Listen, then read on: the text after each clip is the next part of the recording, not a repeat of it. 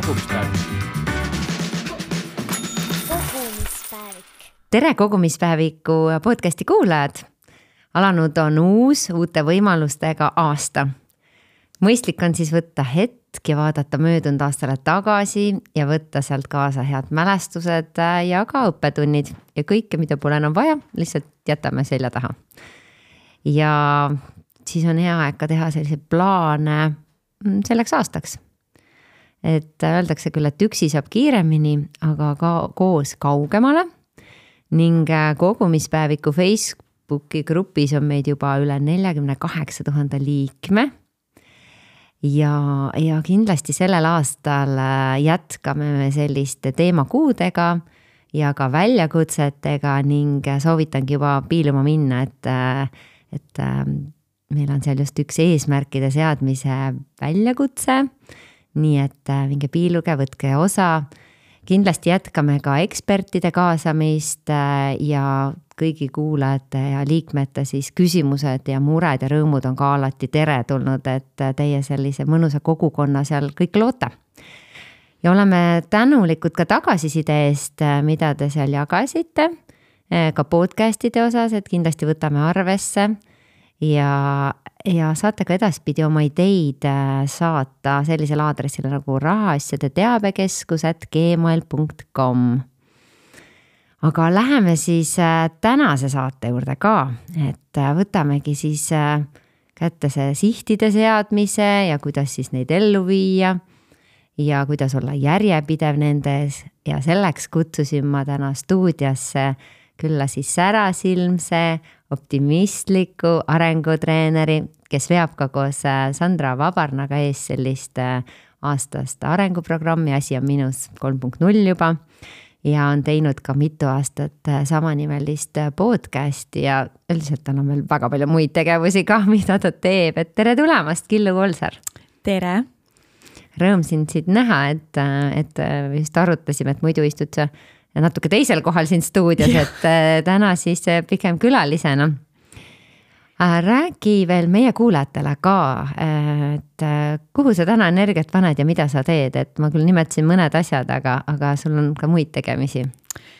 Jaa äh,, alati kui keegi küsib, et ah, Killu, millega sa siis täpsemalt tegeled, siis ma võtan sügava hinge, tõmban mingi nii, kas sa oled valmis? Et äh, tõesti, mul on äh, väga üpris selline äh, aktiivne elustiil, mulle meeldib väga ringi käia, toimetada, kogeda, katsetada. ja kui me sellistest tööalastest rollidest räägime, siis nagu sa juba ise mainisid, ma olen arengutreener ehk siis inglise keeles coach, see on võib-olla mõne jaoks tuttavam sõna. meil Sandraga on oma koolitusagentuur ehk siis võib mind nimetada ka ettevõtjaks äh, ja,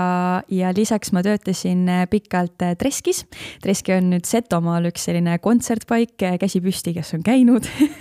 mina jah, väga hea. korraldame festivali, Treski muusika inspiratsioonifestivali erinevaid suviseid kontserte ja Treski sotsiaalmeediakanalid olid siis ka minu, minu käpa all, et nüüd sellest aastast ma eh, Treskis enam ei ole, aga kuna see on seni väga suure osa minu ajast võtnud, siis ma arvasin, et paslik on see ikkagi siin ära mainida. ja septembrikuust alustasin ma tegelikult sellises üritusturundusagentuuris, nagu seda on Kolm Õuna teeme igasuguseid ägedaid ettevõtete üritusi ja pulmi ja sünnipäevi, seega seal saan ka abiks olla oma teadmiste ja kontaktidega ehk siis tööalaselt jah, siuksed, äh, seni on olnud sihuke kolm suuremat äh, väljakutset, mille vahel ma oma, oma aega jagan ja, ja nüüdsest siis kaks. et äh, hetkel rääkisime sellistest töistest väljakutsetest, et peagi räägime ka võib-olla rohkem sinu isiklikust elust mm. -hmm. aga enne veel teeme väiksed sellised kolm kiirküsimust ka. nii. oled valmis? ma ei ole kindel, no proovime. nii, milline on sinu parim ja halvim investeering? Okei okay,, parim ja halvim investeering. ma alati, kui keegi küsib, mis su parim investeering on, siis ma tahaks nimetada kõiki neid asju, mis on minu arenguga seotud. igasugused õppimised, igasugused koolitused ja tegelikult ma julgeks siia alla panna isegi ka mingisugused kultuurisündmused, elamused, festivalid, kontserdid, sest ma võin julgelt öelda, et minu jaoks selline lava ees näpud püsti nautimine on üks kõige paremaid ajaveetmise viise üldse. Ja see laeb mind nii väga, et mul on pärast palju lihtsam ka muude asjadega tegeleda, seega selles mõttes see on täiega investeering, kuigi mõni näeks seda kui kulutusena, et ah, see on niisugune mugavusasi. Ja eks ta kindlasti on ka, aga kuna ka minu töö on suuresti selles valdkonnas, siis ühtlasi see nii-öelda harib ka mind sealt kõrvalt. Ja ma arvan, et selline endasse panustamine on olnud minu üks äh, parimaid investeeringuid. aga kui nüüd rääkida konkre konkreetselt näiteks aktsiatest, siis äh, ma arvan, et äh, Enefit Green on minu kõige parem, ma osalesin nende IPO-s ja nii rohelisi numbreid ma ei ole näinud oma portfellis vist varem. no kogu aeg rohelised olnud siiamaani just ja kui IPO-ga sisse tulid, siis nad ikka ainult tõusevad ja tõusevad, väga ilusad numbrid on sealjuures. ja vahepeal on küll kõikunud, aga ikkagi rohelised. ja kuna ma olen ka sihuke pikaajaline investor, siis ma ei käi nii tihti neid, neid vaatamas, et siis pigem satun sinna ikkagi, kui ta on selline roheline. no ta ongi roheline, nii, aga hal halvim? halvim investeering ähm,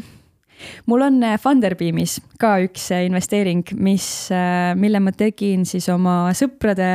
sõprade toetusel ja soovitusel, ma panin sinna vist kolmsada eurot alla, et see oli üks minu selliseid, mitte päris esimesi, aga pigem ikkagi seal algu, algusfaasis. ja see on selline ettevõte, ma võib-olla nime nimetasin. No, pigem, ei, ei pea nimetama, aga noh, eks seal võib-olla Funderbeami kohta võib öelda, et ongi sellised äh, teistsugused ettevõtmised on ju et.... just ja, et äh, seal äh, see on pigem olnud ikkagi selline punases, et ma, ma ei ole teda välja võtnud, siis ma mingi, et noh, et las ta siis nagu tiksub seal ja ja sellel ettevõttel tegelikult ma näen potentsiaali veel, et äkki nad saavad oma asjad korda ja, ja hakkab see natuke kasvama, aga see on mul selline kooliraha, mis seal lihtsalt tiksub, et ma olen suht-koht loobunud sellest, et sealt midagi väga tuleb, aga samas noh, kunagi ei tea ja, ja ütleme startup'ide kohta ongi, et mõned õnnestuvad väga hästi, mõned mm -hmm. nii hästi võib-olla ei õnnestu ja ongi mõeldud, et kõik nendest äh, nii-öelda kasumit ei too, et vahel ongi, et investeerid siis nendesse inimestesse, ettevõtmistesse ja ideedesse, on ju. Mhm, just nii, aga ma tean, et sa, teine küsimus, et sa lugesid eelmisel aastal kolmkümmend üks raamatut, et sa oled suur raamatulugeja, mis on väga äge. ja küsin, et äh, milline raamat sulle jättis võib-olla sellise kõige mm, suurema mulje või sügavama mulje mm? -hmm ma tooks sulle kaks, kui tohib. Äh, ühe sellise teabekirjanduslikuma, võib-olla teise ilukirjanduse, sest äh, minu jaoks äh, nendest on võimalik väga-väga erinevaid asju õppida. ja ilukirjanduslikult no kõige-kõige sügavama ja emotsionaalsema jälje jättis kindlasti E. Lockharti We Were Liars. seda kahjuks eesti keeles ei ole tõlgitud, aga no selline raamat, ma lihtsalt pillisin ja nutsin seal üksinda, seal on lõpus selline pööre. see on, see on lugu ühest perekonnast, nad elavad siis ühel neil on suvekodu ühel saarel ja siis seal on üks neiu, kellel on äh, amneesia, aga ta täpselt nagu ei tea ka seda, et tal on see ja ühesõnaga see lugu on lihtsalt täiesti crazy ja, ja minu jaoks kindlasti see jättis ühe kõige sügavama meelde väga,, väga-väga soovitan seda lugeda. ja teisest küljest äh, ma lugesin sellist raamatut nagu Florence Giveni Naiste asi pole kena olla. ja see on selline hästi feministlik piibel võib öelda ja hästi kohati sihuke radikaalne, natukene äärmuslik, aga minu jaoks hästi silmi avav just äh, seksismi, misogüünia ja igasuguste sooliste stereotüüpide võtmes. et see neiu, kes on selle raamatu autor, ta on ise äh, ta ise defineerib ennast naisterahvana, aga mitte heterona. ehk siis äh, tal on väga põnev vaatenurk kogu sellele, sellele asjale ja ta on hästi palju õppinud seda tausta, et miks me, miks me ühiskonnana näeme neid rolle nii, nagu me näeme ja, ja ühesõnaga, see on selline hästi jõustav raamat kuidagi, et, et naisena endas seda enesekindlust ja julgust ja, ja eneseteadlikkust leida ja tõsta, et see oli selline minu jaoks väga kuidagi voh, raputav on ju. jaa, just, just. aitäh nende mõnusate heade soovituste eest mm,. küsin veel, et äh, mis äh, on üks selline sinu harjumus, et äh, kui sa mõtled, et sa hoiad näiteks raha kokku, aga asi, mille pealt sa ei, raha ei ole nõus kokku hoidma. et vot mm -hmm. see on see asi tead, mõnikord vist nimetatakse seda selleks guilty pleasure'iks on ju, et ma ise üritan sellest väljendist natukene kaugeneda, et miks me peaks süüd tundma millegi eest, mida me, midagi naudime. aga minu hästi suur selline ma olen hästi suur Eesti disaini fänn ja, ja on see kodudisain, on see ehtedisain või, või on need riided, siis äh, mulle nii meeldivad need naised ja mehed, kes meil Eestis asju disainivad, mulle väga meeldib toetada Eesti ettevõtlust ja jätta see, see raha siis võib-olla nii-öelda kodumaale ja, ja pigem ma panustan siis sellesse, et ma ostan kvaliteetset ja ajatud disaini ja kangaid, mis on mu naha vastas head ja tekitavad minus enesekindlat tunnet ja, ja kestavad kauem kui see, et ma tellin mõnest kiirmoeketist endale mingid T-särgid mõne euro eest, mis siis paari kandmiskorra järel juba sellised auklikud võib-olla on, et, et see on asi, kuhu ma pigem alati olen valmis äh, raha panema. Nii lahe. Ma olen sinu poolt. Jah, et äh, võid edasi, selle jaoks võib raha kulutada. väga hea, sain kogumispäevikult loa. Just, accepted. nii, aga lähme siis äh, sinu juurde ka, et kust sa pärit oled selles mõttes, võib-olla perekonna mõttes, et äh, kui meil siin käivad niimoodi kolmkümmend viis pluss inimesed, et kui ma küsin, et äh, mis rahatarkust neile kodust kaasa on antud, siis noh, tihti on see, et, et äh, ega nendel teemadel ei räägitud väga palju. E, et aga, aga sina oled kahekümne nelja aastane. et mis, mis rahatarkused ja võib-olla sellised elutarkused sa kodust kaasa said uh,? väga hea küsimus ehm, minu ema on raamatupidaja mis tähendab, et äh, mingit sorti äh, raha mõistmine on, on seal kodus kaasas käinud, et ma olen alati saanud küsida äh, mingeid asju, eriti just sellest oli kasu siis, kui ma asutasin oma ettevõtte, siis oma juriidilise keha Killu Kolsar OÜ ja seda ma tegin vist kahekümne kahe aastaselt ja siis ma sain küll küsida, et kuidas, kuidas ma teen seda maja, majandusaasta aruannet ja kuule, et mida ma võin siis firma rahadest osta ja mis asi on esinduskulu ja kas ma võin kütust osta selle eest, et need need on need teadmised, mida ma oma emaga olen saanud äh, põrgatada väga palju. aga ma arvan, et äh, suur osa minu rahateadmistest võib-olla on ka tulnud pigem just äh, koolist et ma õppisin Tartu Jaan Poska gümnaasiumis ja, ja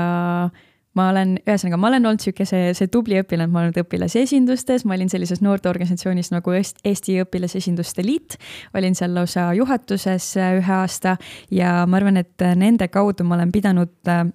ise hästi palju õppima oma rahaasju planeerima, et äh, kuidas, äh, kuidas sa hoiad sellist organisatsiooni üleval, et kuidas sa korraldad üritusi siis, kui sul on väga-väga väike eelarve, kuidas äh, leida mingeid loomingulisi lahendusi, mis ei võta sult nii palju kulutusi. ja, ja inimesena ma ise olen olnud üpris säästlik, ma võiks öelda, et alati, kui noh, minul jaanuaris, jaanuaris on sünnipäev ja alati, kui sünnipäevarahad olid, siis ma ikkagi panin nad kenasti kuskile karpi või kuskile pangakontole ja siis mulle meeldis vaadata seda numbrit, sest mulle meeldis tekkis see kindlustunne, et ma näen, et seal on teatud number ja ma väga nii väga ei tahtnudki seda, seda nagu kulutama hakata.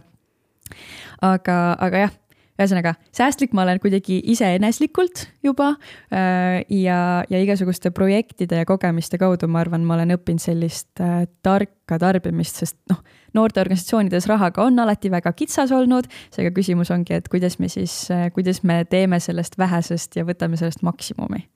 sa oled nii lahedalt haaranud kinni just nendest võimalustest, mis tegelikult noortel on, on ju. et tõesti kasutada seda ära, et üks on see, et jah, et minna tööle suvel, on ju, aga teine asi, et tõesti nende organisatsioonide tööst, on ju, seal on kõike seda koostööd, on ju, ja mm -hmm. seda planeerimist ja juba vastutust ja mm. -hmm, just, ja. väga, väga kihvt. kas sul oli õdesid-vendasid ka või tähendab on? ja, äh, mul on äh, vanem õde, noorem vend. Äh, mu õde on siis kolm pool aastat vanem ja vend on aasta kahe ei, aasta kümme kuud noorem, ehk siis noh, meil liiga suuri vahesid äh, ei ole ja, ja jah. ja kas teil on ka nii, et äh, tavaliselt on õed ja vennad on kuidagi rahaga seotult äh,, käituvad päris erinevalt, et ja. oled sa ka märganud seda? kuigi kasvatatakse ühtemoodi, aga kõik on erinevad, on ju? täiesti, täiesti erinevad, et äh, noh, me oleme kõik ka sellises vanuses, et ma tunnen, et mu õde on rohkem see millennial, mu vend on rohkem Gen Z ja mina olen kuskil seal siis vahepeal täpselt see üleminek, et ma arvan, et see mängib ka rolli, et täpselt, et mis, mis taustaga me üles oleme kasvanud, et jah, minu vennal on juba palju nooremast peast olnud ju nutitelefon ja arvuti ja kõik asjad, sest ta on lihtsalt kasvanud selles maailmas üles. ja minu õde on rohkem veetnud aega sellega, et tal on kas nuputelefon, see Sony ja kolm tuhat kolmsada kümme oli ka minu esimene telefon, on ju, aga et et see kõik on kuidagi natukene hiljem tulnud, et, et pluss ma arvan, et siin mängib rolli ka see, et kas sa oledki pere kõige vanem, kas sa oled keskmine, kas sa oled noorem, et seal on ka mingid iseloomujooned, et. ja rollid ka on ju mm. -hmm. ma tunnen, et mu õde on nagu selles mõttes hästi mõistlik ja hästi vastutustundlik, on ju. mu vennal võib-olla on rohkem selliseid mingeid oma huvisid, mille alla siis, mille alla siis raha panna, et väga huvitav on jälgida seda ja, aga räägi veel oma haridusteest, et äh, mida sa pärast gümnaasiumi tegid? Ma läksin, tegelikult ma tahtsin pikalt võtta vaheaastat, tahtsin minna välismaale vabatahtlikuks, uurisin isegi mingisuguseid solidaarsuskorpuse ja Erasmuse programme ja, ja kandideerisin osadesse, isegi üks oli Iirimaal lasteaia kasva-, ei lasteaiaõpetaja, abiõpetaja. aga siis äh, miskipärast ma ei saanud sealt üldse vastuseid ja siis mul motivatsioon suht kadus ära, otsustasin, et okei okay,, ma ei lähe. Lähen hoopis au pair'iks Inglismaale. ja, ja suhtlesin juba mingite peredega, tegin isegi paar videokõnet ja siis vaatasin endale ausalt otsa, ütlesin, et Killu, kuule, et kas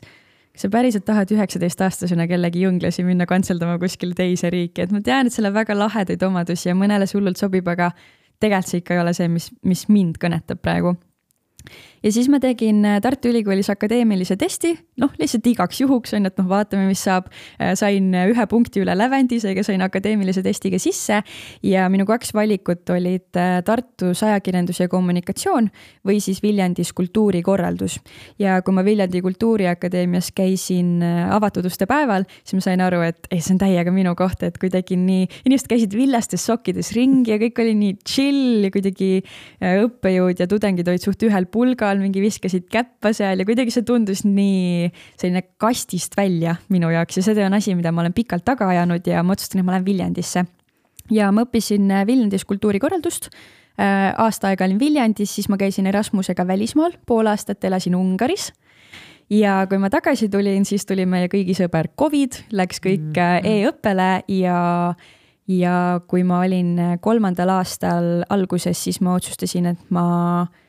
ei ole praegu õiges kohas enam, et ma tunnen, et ma olin Viljandist võtnud kõik, mis ma oskasin mm -hmm. võtta tollel hetkel, et need teadmised, need kontaktid ja ma tundsin, et see õpe, kuna mul on nii pikk korraldustaust ka, et ma lihtsalt, see ei arenda mind nendest külgedest, kus ma tahaks tollel hetkel kasvada. ja siis ma tulin ülikoolist ära hakkasin sealt kõrvalt tööle Jalmar Vabarnaga, kes otsis äh, toona endale assistenti ja, ja ta, tal oli üks Facebooki postitus ja, ja kolm inimest kommenteerisid mu nime ka sinna, et Killu, sa sobiksid nii hästi siia, see on nii sinu moodi. ja, ja tal oli tingimus, et see inimene peab Tartus olema. aga kuna ma Viljandist just olin ära tulnud, siis äh, mul tekkis võimalus Tartusse tagasi kolida ja, ja Jalmariga ma tööle hakkasin, sealt kõrvalt paar kuud hiljem Sandraga, kes just värskelt alustas, alustas oma arengutreeneri teekonda. tegin sealt kõrvalt veel startup teid natukene, siis ma hakkasin Trad Attacki merch'iga tööle ja siis, kui äh, see kõik toimus ühe aasta sees wow.. ja, ja siis elu läks kohe niimoodi shit. ja, ja, ja siis ma sain aru, et, et see täie, see oli täiega õige otsus sealt ülikoolist toona ära tulla, ma alguses võtsin akadeemilise, ma jätsin endale nii-öelda selle ukse avatuks, et ma saan tagasi minna. aga siis, kui aasta sai mööda, ma seal, sealhulgas tegin veel ära oma arengutreeneri paberid ühes USA instituudis. ja, ja siis sain aru, et ma ei saa tagasi minna, et see ei ole lihtsalt hetkel see, et keegi ei pane seda ülikooli just minu jaoks kinni, aga et praegu ma olen täiega õiges kohas väga lahe teekond, et äh, aga kuidas sa jõudsid või millal sa hakkasid selliseid äh, eesmärke panema, et äh, kui me täna niimoodi fookuse sinna seame? Mm. -hmm. see juhtus sihuke kaks tuhat üheksateist, kaks tuhat kakskümmend, ma arvan, teadlikumalt. et eks meile koolis on väga palju räägitud mingist smart eesmärkidest, et sa pead panema eesmärgid, mis on tähtajalised ja mõõdetavad ja sul on hästi konkreetsed mõtted ja nii edasi. et äh, eks sellest on nagu räägitud palju, aga ma seda oma elus nii võib-olla, nii palju võib-olla ei rakendanud, et jah, tööalaselt äkki isegi rohkem, aga see oli nüüd kaks tuhat kaks tuhat üheksateist lõpp äkki, kui ma mäletan õigesti, kui äh, ma oma toonase elukaaslasega mõtlesin, et oo, tahaks kuidagi mingit selgust luua või tahaks midagi toredat koos teha. ja siis me võtsime aasta lõpus sellise äh, kohtingu õhtu endale ja otsustasime, et me hakkame oma elus siis selgust looma ja me tegime niimoodi, et me võtsime, jagasime oma elu mingiteks kategooriateks, seal oli näiteks füüsiline tervis, vaimne tervis, raha, sõbrad, romantiline suhe, noh, igasuguseid selliseid asju. ja tegime sellist nii-öelda brain dump äh, harjutust, kus äh, siis äh, panime taimeri kaheks minutiks ja igas kategoorias siis äh, oli kaks minutit. kahe minuti jooksul pidid kirjutama kõik asjad, mida sa tahad siin elus kogeda või mis on sulle oluline või kõik sellised esimesed mõtted, mis tollel hetkel pähe tulevad ja meil oli neid kategooriaid äkki mingi kümme või kaksteist. ehk siis see võttis ka ikka noh, päris pikalt aega ja kui me olime kõik need välja kirjutanud, siis me arutlesime omavahel, vaatasime, et aa, mis sul siin on, kas meil midagi kattub, mis sul on ja kas meil on üldse samad soovid, on ju ja siis äh, sealt läksime juba natukene spetsiifilisemaks niimoodi, et võtsimegi igast kategooriast mingid punktid välja, mis on sihuke, et oh, see võiks olla mingi järgmise paari aasta sees juba tehtud või tahaks sinnapoole hakata liikuma. ja, ja siis panime need nii-öelda enda aasta eesmärkideks ja siis kuna Sandra tollel hetkel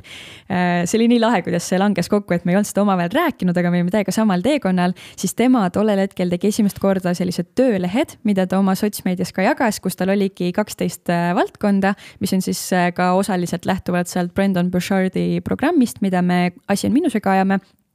oli äh, kaksteist kategooriat, päris paljud kategooriad meil tegelikult kattusid, nii et siis me Markusega võtsime ka ette niimoodi, et me natukene kohendasime seda enda programmi, viisime selle nii-öelda sinna Sandra töölehtede sisse ja panime siis igas kategoorias mingi aasta eesmärgi ja siis nii-öelda kuusammud selle suunas. Ja päris äh, peaaegu terve aasta tegime seda ka niimoodi, et iga kuu võtsime selle aja kahekesi tund aega ja hakkasime uue kuusamme seadma aga kas te vaatasite ka tagasi, et mis nagu juba tehtud on või, või kuidas läinud on või kuidas ja, see protsess välja nägi? jaa, äh, me tollel hetkel ei teinud midagi super erilist, ega me ei osanud vist ka võib-olla või ei tahtnud isegi teha, et me lihtsalt vaatasime, et aa, mis sai tehtud, mis ei saanud tehtud, mingi, et aa, sellest on veits kahju, et see tegelikult oleks võinud, et äkki ma tõstan selle ikkagi järgmisesse kuusse ja proovin uuesti. et äh, see oli selline pigem lihtsakoelisem ülevaatamine, et mida me Asi on minusega nüüd oleme teinud, on see, et meil on selline aastane märkmik,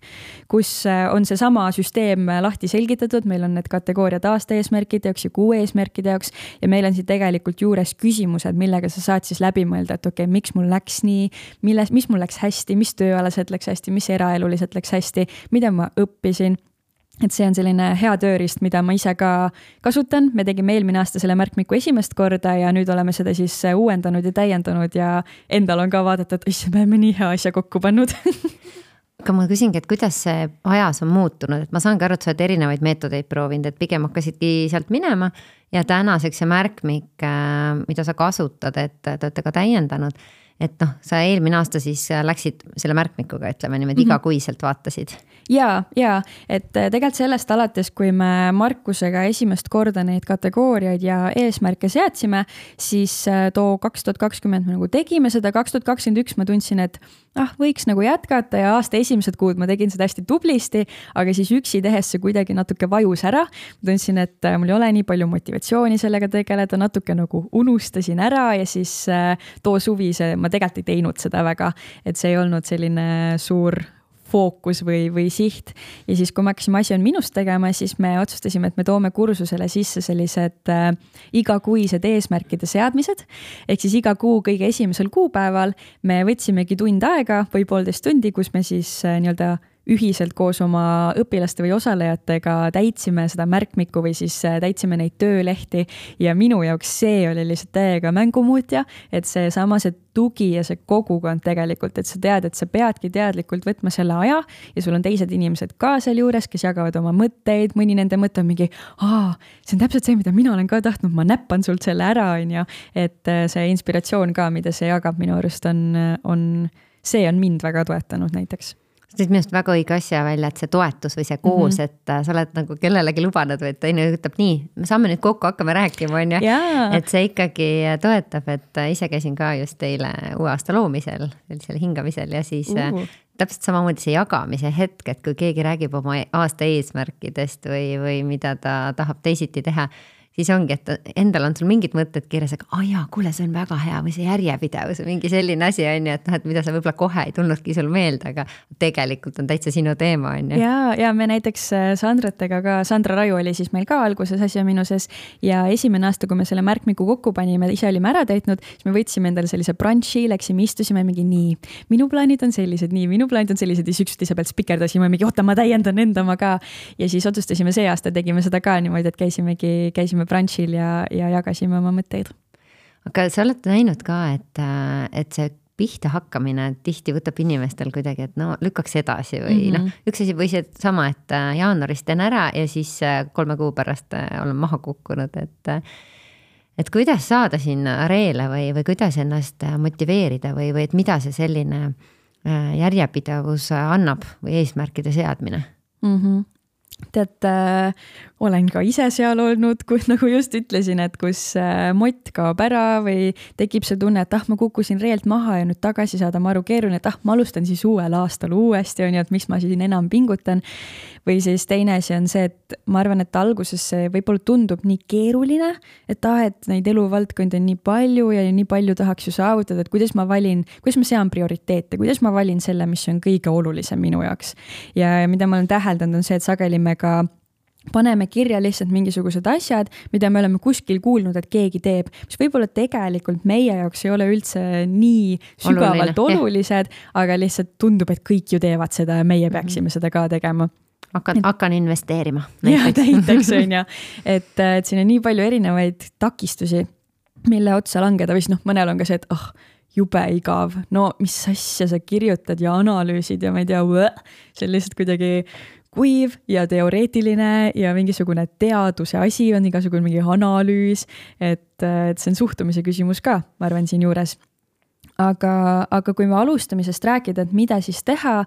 ma arvan, et üks väga lihtne viis ongi leida endale see seltskond või mõni vastutuspartner, kellega koos seda teha. et seda me ka julgustame, et selline arengupartner on alati väga-väga tore asi. näiteks meie Sandraga tegime eelmine aasta sellist asja, et äh, igal kuul hommikurituaalis me katsetasime ühte uut vaimset praktikat ja me olime üksteise vastutuspartnerid, ehk siis iga kuu alguses me leppisime kokku, mida me teeme ja iga kuu lõpus me siis äh, saatsime üksteisele häälsõnumid, võtsime kokku, jagasime tagasisidet ja leppisime uue asja kokku, et see aitas ennast ka täiega joonel hoida, et miskipärast kipub olema nii, et meil on iseendale hoitud lubadusi kõige raskem anda. Neid on kõige lihtsam edasi lükata, kõige lihtsam on lihtsalt olla mingi, ah noh, te, te ei saanud tehtud, aga noh, midagi pole nagu hullu ka ju aga kui me oleme kellelegi teisele, siis võib-olla natuke on häbi või natuke on nagu piinlik või siis tekib see sõbralik võistlusmoment sealjuures, et oota, tema tegi, ma nüüd tahan ka teha ja, ja tahaks ikkagi jõuda ju kaugemale, et äh, ma arvan, et see see õigete inimestega ümbritsemine või see vastutuspartnerlus on üks hästi tore asi, mida katsetada ja, ja tegelikult see ju annab ka viisi oma sõpradega ühist aega leida, et sa kas siis helistadki natukene rohkem või te saate täitsa kokku ja, ja sul on see nii-öelda põhjendus, miks kokku saada, kui muidu on see, et ah, ma ei tea, mul ikka üldse aega ei ole. ei, me peame selle ära tegema, me teeme, me leiame selle tund aega või poolteist tundi või mis iganes see, see maht seal on. ja, ja teine mõte kuidas neid eesmärke seada, on seesama selline lahterdamine, ma arvan, et kui me hakkame kuskilt hästi huubist võtma või noh, laest niimoodi võtma, et ma tahan seda muuta ja seda muuta ja seda muuta, siis see tundubki väga hoomamatu, seda infot on väga palju ja sellepärast ka meie oleme jaganud selle nii-öelda kategooriateks, et meie ajule meeldib sildistada, meie ajule meeldib kategoriseerida, ta saab maailmast palju paremini aru sellisel juhul. ehk siis tõesti, kui sa võtad kindlad valdkonnad, näiteks meie alati soovitame, et kui sa ei taha tegeleda juba mingi suhete ja pere ja laste ja uute kogemuste ja majandusliku olukorraga, et kaks asja, millest alustada alati on füüsiline tervis ja vaimne tervis. et mida ma saan nende kahe heaks tegelikult teha. et kui mu, minu, minu näiteks aasta eesmärk füüsilises tervises on, äh, olen tugevam kui kunagi varem. ja iga kuu ma saan siis vaadata, et mis on need sammud, mis aitavad mul sinnani jõuda. ja võib-olla väikse kõrvalpõikena tahan, räägin siia ühe loo ka vahele, nimelt äh, eelmise aasta lõpus ma sain aru, et ma ei oska üldse unistada. ma, ma ütlesin oma sõbrale telefonis rääkides, et tead, ma, ma tunnen, et ma ei oska unistada, ma ei oska panna mingeid numbrilisi suuri eesmärke a la ma ei tea, tahan kunagi Sydney kontserdimajas esineda, et ma, ma, ma ei suuda mõelda niimoodi, et see tundub nii ma ei tea, raske ja võõras ja kuidagi või nii kaugel või ja. ongi see, sa oled kuidagi väiksemas kastis, on ju mm, -hmm. et sa ei suuda neid hästi suuri, et noh, et tõesti, et miks me, miks me piirame ennast tegelikult mm -hmm. sellega, et noh, Estonias on ju esineda, on ju. siis ma sain aru, et ma lihtsalt, ma ei suuda kuidagi panna selliseid nagu faktilisi, numbrilisi eesmärke ja siis ta ütles mulle midagi, mis tollel hetkel nii hästi klikkis minuga, ta ütles, et Killu, aga et, et sa ei unistagi numbrites, et sa unistad tunnetes. siis ma olin mingi, vau,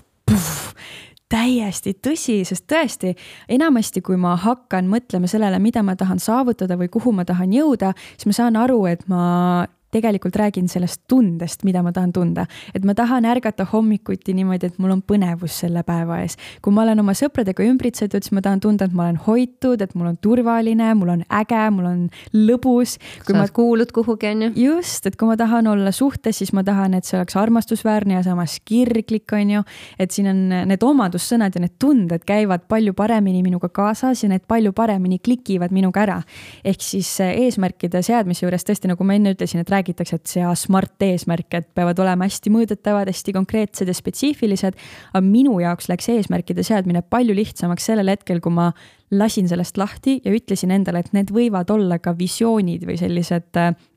tundelisemad. ehk siis, et minu aasta eesmärk võib olla, et ma jooksen maratoni, aga see võib, näiteks füüsilises tervises, aga see võib olla ka see, et ma olen tugev ja terve või et ma olen tugevam kui kunagi varem. ja, ja see tunne jälle või see teadmine on see, mis kõnetab mind palju rohkem, mis ma tunnen, et tekitab mu südames sellise, uh, okei okay,, selle suunas ma tahan liikuda. et see võib vabalt olla väga spetsiifiline, aga see võib ka olla selline unistav ehk siis äh, tuleks lähtuda iseendast, äh, et äh, mõne jaoks on tõesti need numbrid väga olulised ja väga võib-olla on lihtsam panna mm -hmm. neid numbreid. teise jaoks jällegi seesama, et see tunne, et ma tunnen hommikul, et mul on kehas selline, selline tunne näiteks, et täpselt, et selleks ma peangi tegema, ma ei tea, iga päev oma füüsilise keha jaoks mm -hmm. selliseid asju ja vaimse tervise jaoks selliseid asju, on ju, et noh, et Just. teha see suur eesmärk siis, mis see tunne on, et kuidas mul see tunne siis tekib, on ju. ja, mis on need väikesed asjad yeah., mis tekitavad sinus seda, ma ei tea, on see siis elustunne või kirglik või, või kergus on see märksõna, on ju, et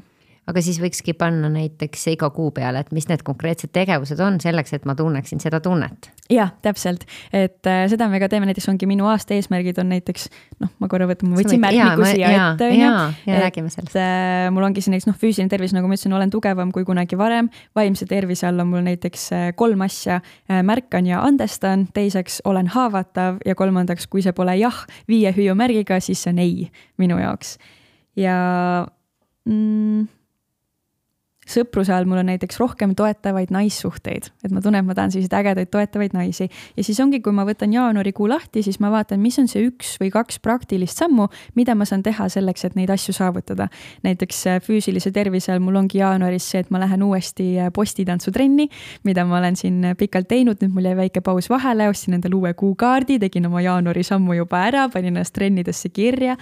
ja, ja sõprusel on näiteks see, et ma kirjutan ühele neiule Äh, et ma tahaks temaga lõunale minna, sest ta tundub väga äge inimene, ta on mind inspireerinud, me oleme sellised kaudsed tuttavad, aga ma tahaks teda endale lähemale tuua. ja teiseks on see, et ma korraldan siis sünnipäevapeo, kus ma saan oma sõbrad kokku tuua, et jälle sellised äh, praktilised asjad, mis aitavad meil jõuda nendele suurtele asjadele lähemale, on kuu lõikes minu arust olulised aga mis, mitu asja võiks üldse panna ühesse kuusse, et vot täpselt nii, nagu sa ütled, et äh, paned kõik need kirja, mida ma kõike tahan teha ja see on see, et äh, ma tegelikult ju tean, et ma kõike korraga ei suuda teha, on ju.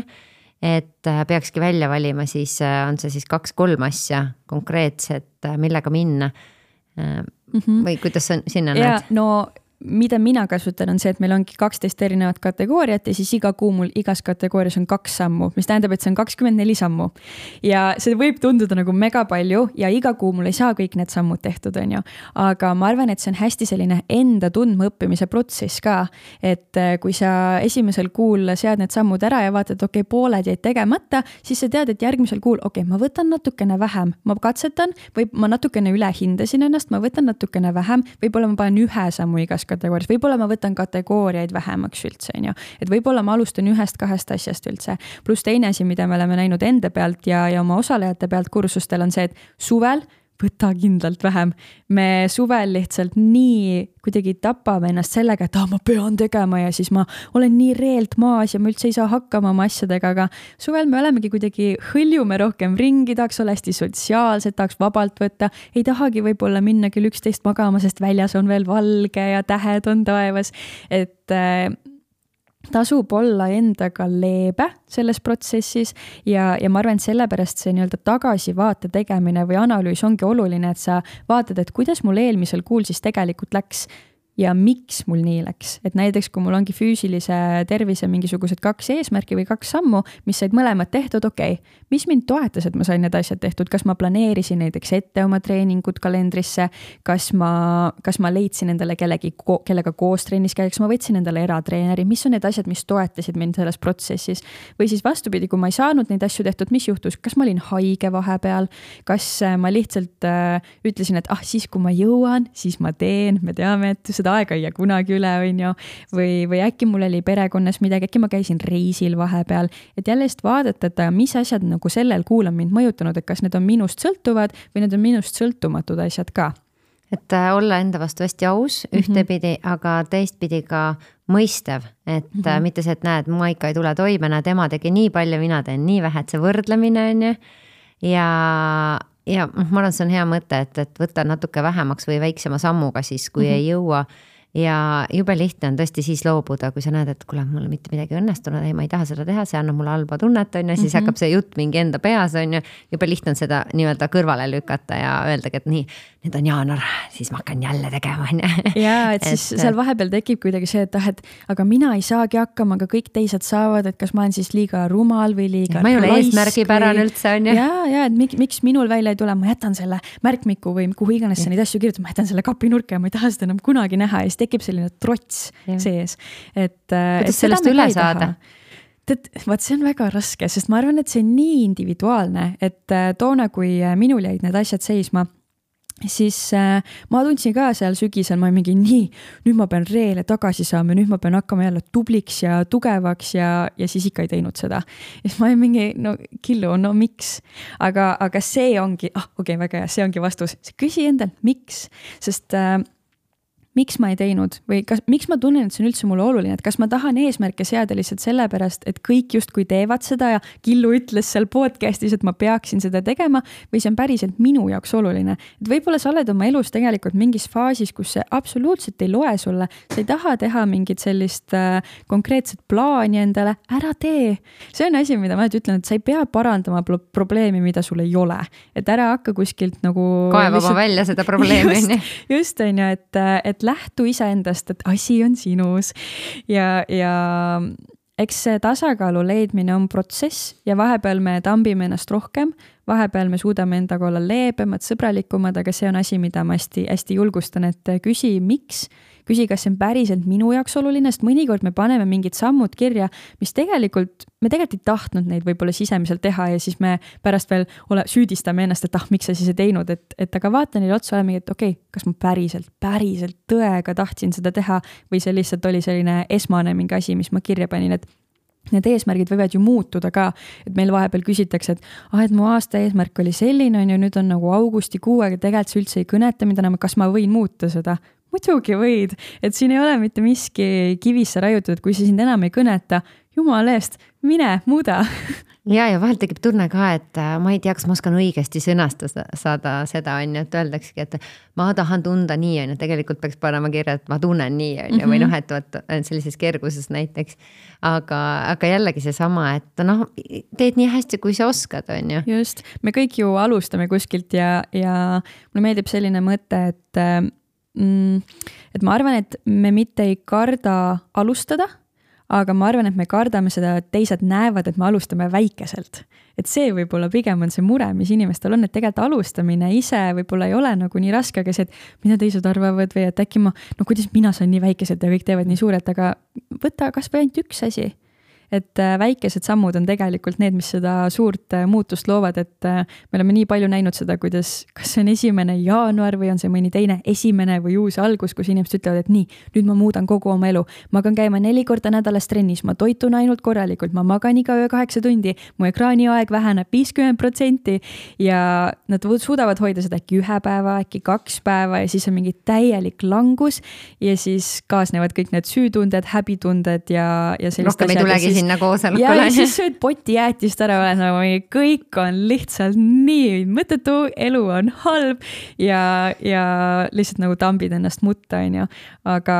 kui me alustame väikestest asjadest, siis meil tekivad need eduelamused seal sees. see, et oh, ma tegin selle ühe väikese asja ära, nii lahe, ma olin nii tubli, see tekitas mus head tunnet. äkki ma järgmine kord teen kaks asja isegi, äkki ma järgmine kord jaksan rohkem, et need eduelamused seal sees on need, mis tekitavad seda motivatsiooni ja seda tahet veel edasi jõuda. aga, aga tõesti, nagu sa ka ütlesid, et igaüks peaks lähtuma iseendast siin ei ole ühte õiget ega vale viisi seda teha, et muidugi mina võin siin anda mingisuguseid soovitusi, mis ma olen näinud, et töötab, mis on teaduslikult tõendatud, et töötab, aga me oleme kõik ikkagi indiviidid ja, ja me peame katsetama seda, mis, mis meile endale võiks sobida ja jälle hoida avatud meelt selle sees, et kui esimesel korral ei tule välja, noh, vaata, kas sa saad sellele äkki ühe võimaluse veel anda, võib-olla lihtsalt oli mingi muu tegur, mis, mille pärast ei töötanud, mitte sellepärast, et see süsteem üldse ei sobi sulle, on ju, et katsetamine, ma arvan, on sihuke võluvõti siin.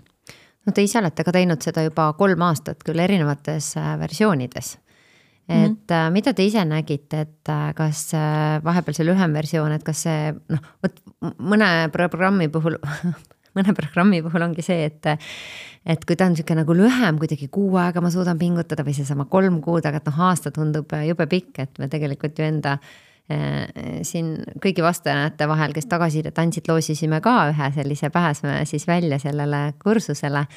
et ma ei tea, kas praegu teil üldse siin äh, saab veel liituda selle kursusega, kui keegi kuuleb, et oh, tahaks ka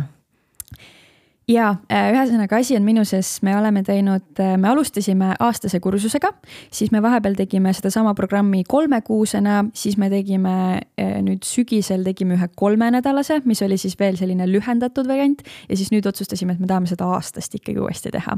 ja, ja praegu selle aastasega saab veel liituda kuni kümnenda jaanuarini. Et kui keegi kuulab, kuulab enne seda, siis saab veel, saab veel liituda. Ja ühesõnaga, me taipasime, miks me alustasime aastasega, on see, et me saimegi aru, et meil on siin Eestis aastaajad, mis meid tohutult mõjutavad, et nagu ma enne ka ütlesin, et suvel tahaks ringi reisida ja tahaks hõisata ja tahaks, tahaks ringi kelkida ja kõike, siis sügisel tekib selline kookoni efekt, et tahaks nüüd analüüsida, kuidagi rohkem teed juua ja raamatuid lugeda, siis tuleb esimene jaanuar, nii, nüüd kõik muutub. ja siis eh, kevadel tuleb jälle mingisugune natukene särts sisse niimoodi, aga samas seal novembris kuskil istud pimeduses, mingi ma ei taha mitte midagi, ma ei taha kedagi näha, ma ei taha midagi teha. et eh, see see mõjutab meid hästi palju, pluss naistena meid mõjutab tegelikult meie menstruaaltsükkel. ehk siis meil igaühel on veel oma eraldi kuurütm ka sealjuures ja, ja neid kõiki arvesse võttes me saime aru, et et tegelikult seda toetust on vaja aastaringselt. et muidugi me võime uuel aastal alustada, teha kolm kuud ja see võib ka töötada väga hästi, aga kuna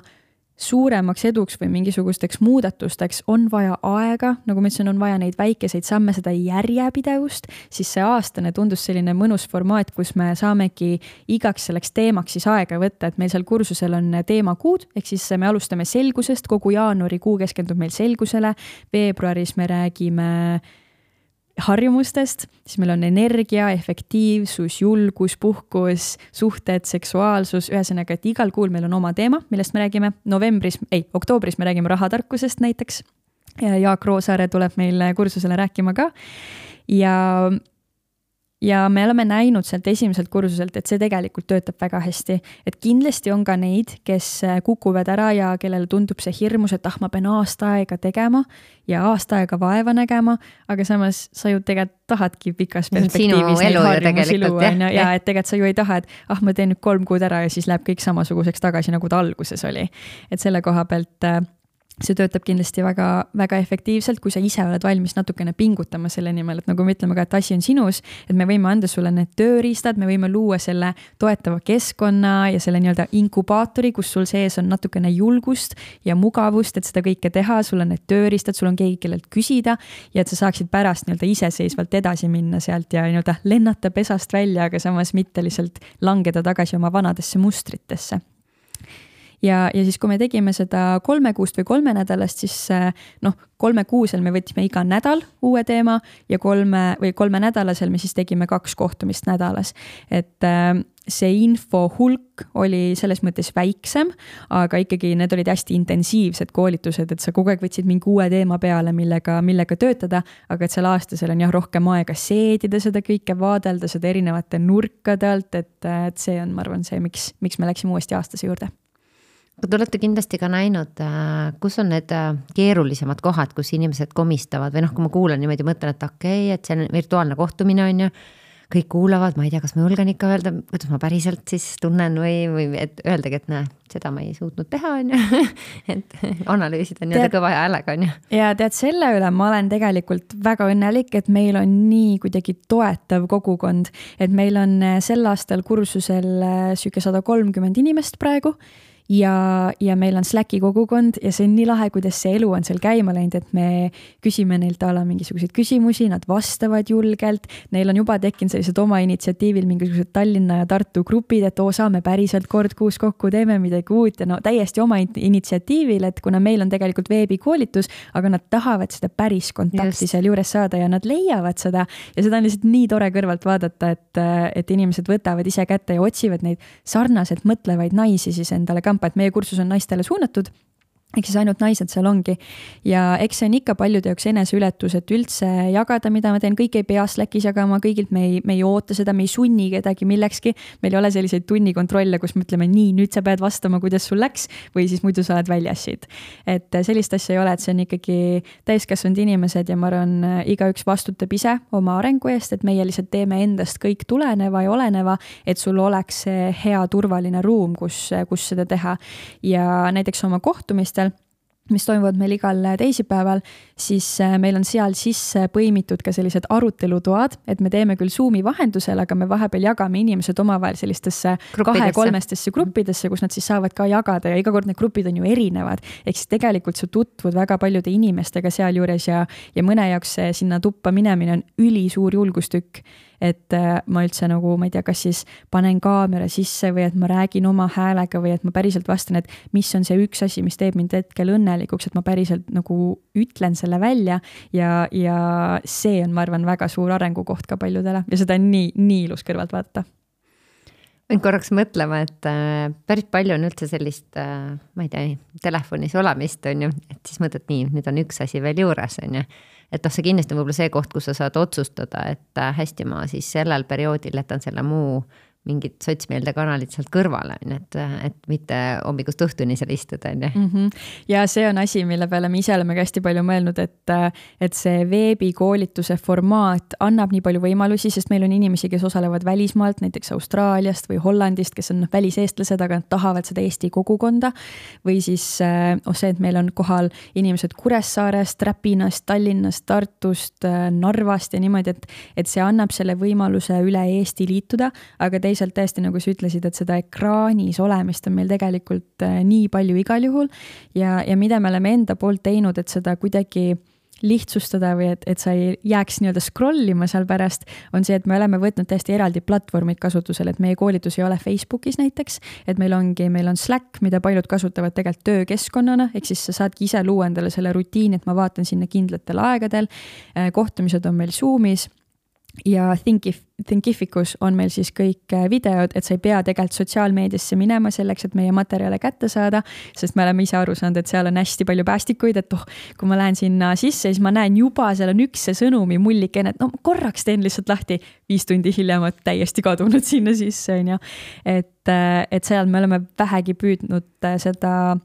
vähendada ja, ja iseenda poolt julgustame ka seda, et kui sa oledki kohtumisel, et olegi kohtumisel kohal, et me teeme selle selliseks interaktiivseks, meil on seal arutelutoad, sa saad chatis pidevalt kaasa rääkida, meil on hästi palju eneseanalüüsid, sa vastadki küsimustele iseenda kohta, et see ei ole selline loengu formaat lihtsalt. et siis äh, tegime Grete Arroga, kes on äh, hariduspsühholoog, tegime temaga ka konsultatsiooni, et kuidas ehitada neid asju kõige targemalt üles, nii et inimesed päriselt saavad sealt midagi, et sa päriselt nagu jaksad kaasas käia lihtsalt, et see ei ole see, et sa kuulad ja siis sa lähed minema, nii et su raha on tegelikult tuulde visatud, et meie anname endast, endast kõik, et see info päriselt talletuks ja et sa päriselt rakendaksid seda.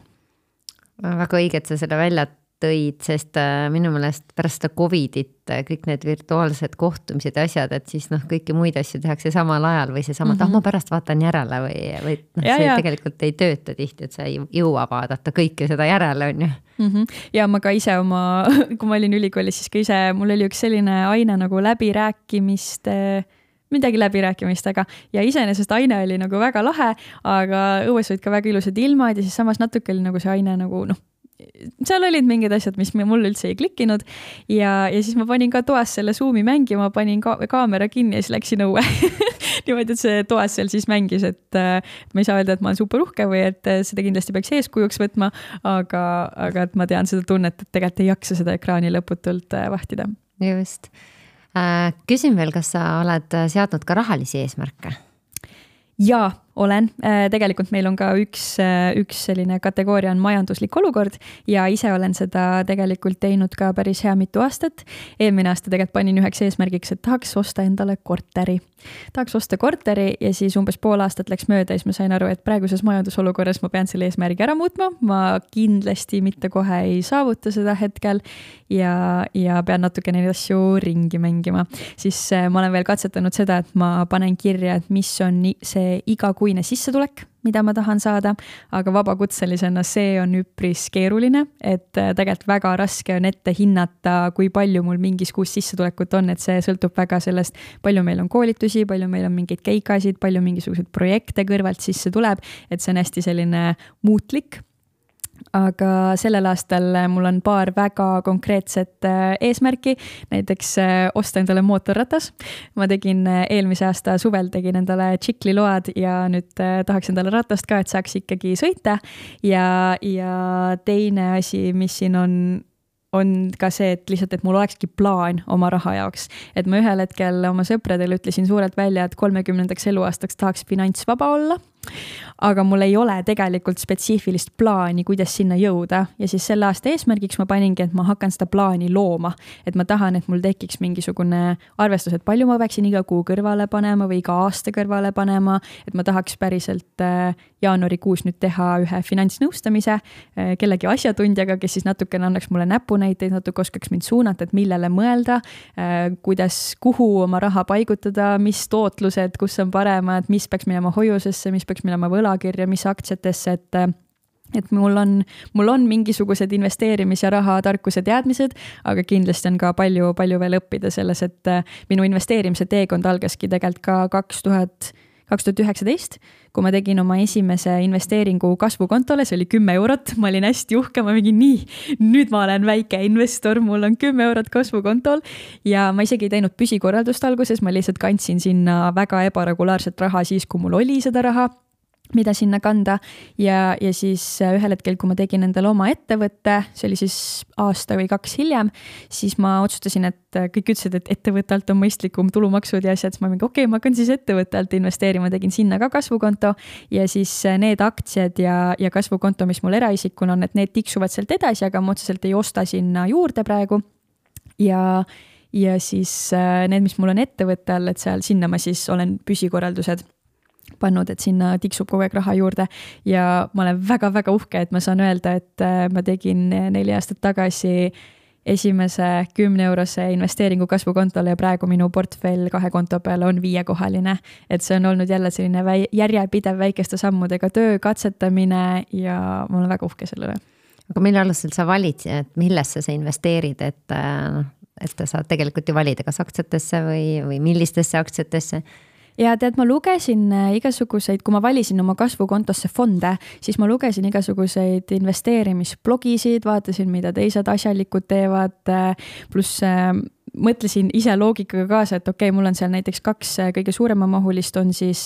USA top sada tehnoloogiaettevõtet ja USA siis viissada top ettevõtet on ju, et seal on see, et sul, see minus vähemalt loob mingisuguse turvatunde, et äh, kui need on nagu top ettevõtted, siis ongi noh, need, kes langevad, need nagu kukuvad sealt välja, on ju, et see, see pluss, kui sa vaatad nende,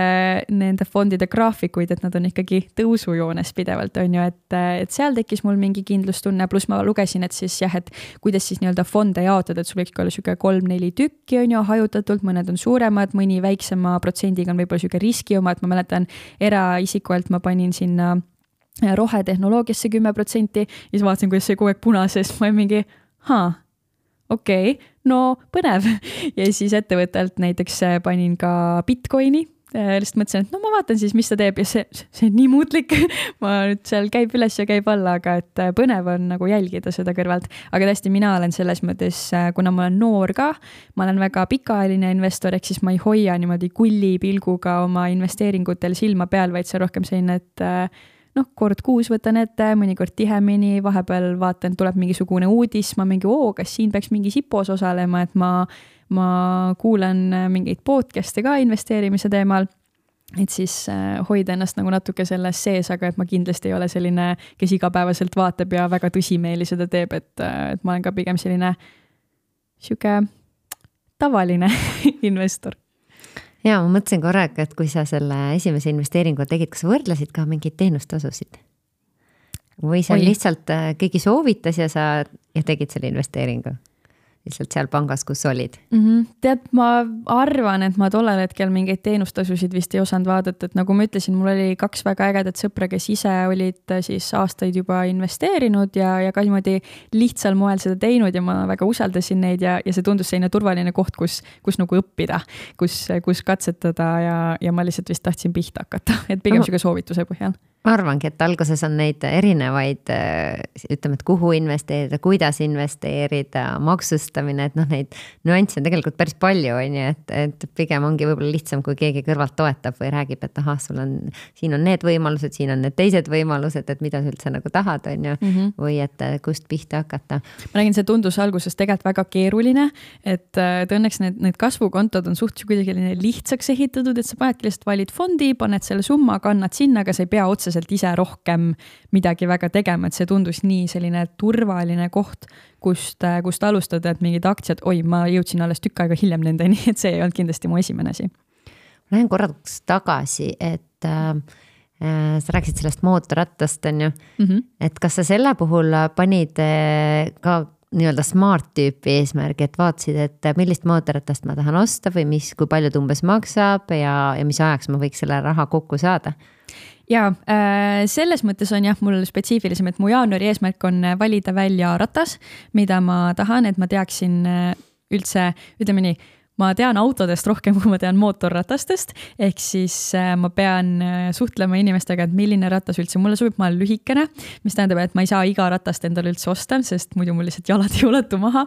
ja, ja et ma pean selle ratta välja valima, minu jaoks ei pea olema uus ratas, see võib olla kasutatud ratas, ehk siis selle järgi ma saan veits vaadata oma eelarvet, et ma siiani on aru saanud, see jääb ilmselt kuskile viie tuhande, kümne tuhande vahele ja ideaalpildis ma tahaks, et mul oleks suveks see ratas olemas, ehk siis äh, sihuke mais ma tegelikult tahaks selle ratta endale ära osta. mis tähendab, et äh, sihuke lühikene piir, aga kuna see on mu väga suur prioriteet, siis ma tunnen, et äh, ma saan teha piisavalt tööd selle kallal, et mul oleks, et mul tekiks see finants ja et ma saaks ütleme nii, mu püsikulud ei ole nii suured, kui on minu sissetulekud, ehk siis ma saan nagu raha teadlikult suunata ja, ja praegu just oma säästud siis nii-öelda sellesse fondi lükata. Ma küsingi, et kus sa täna elad, et äh, kas sul on, ma ei tea, üürikorter äh, vanemate juures või kaaslasega või? ja äh, ma elan Tallinnas üksinda üürikorteris, ma elasin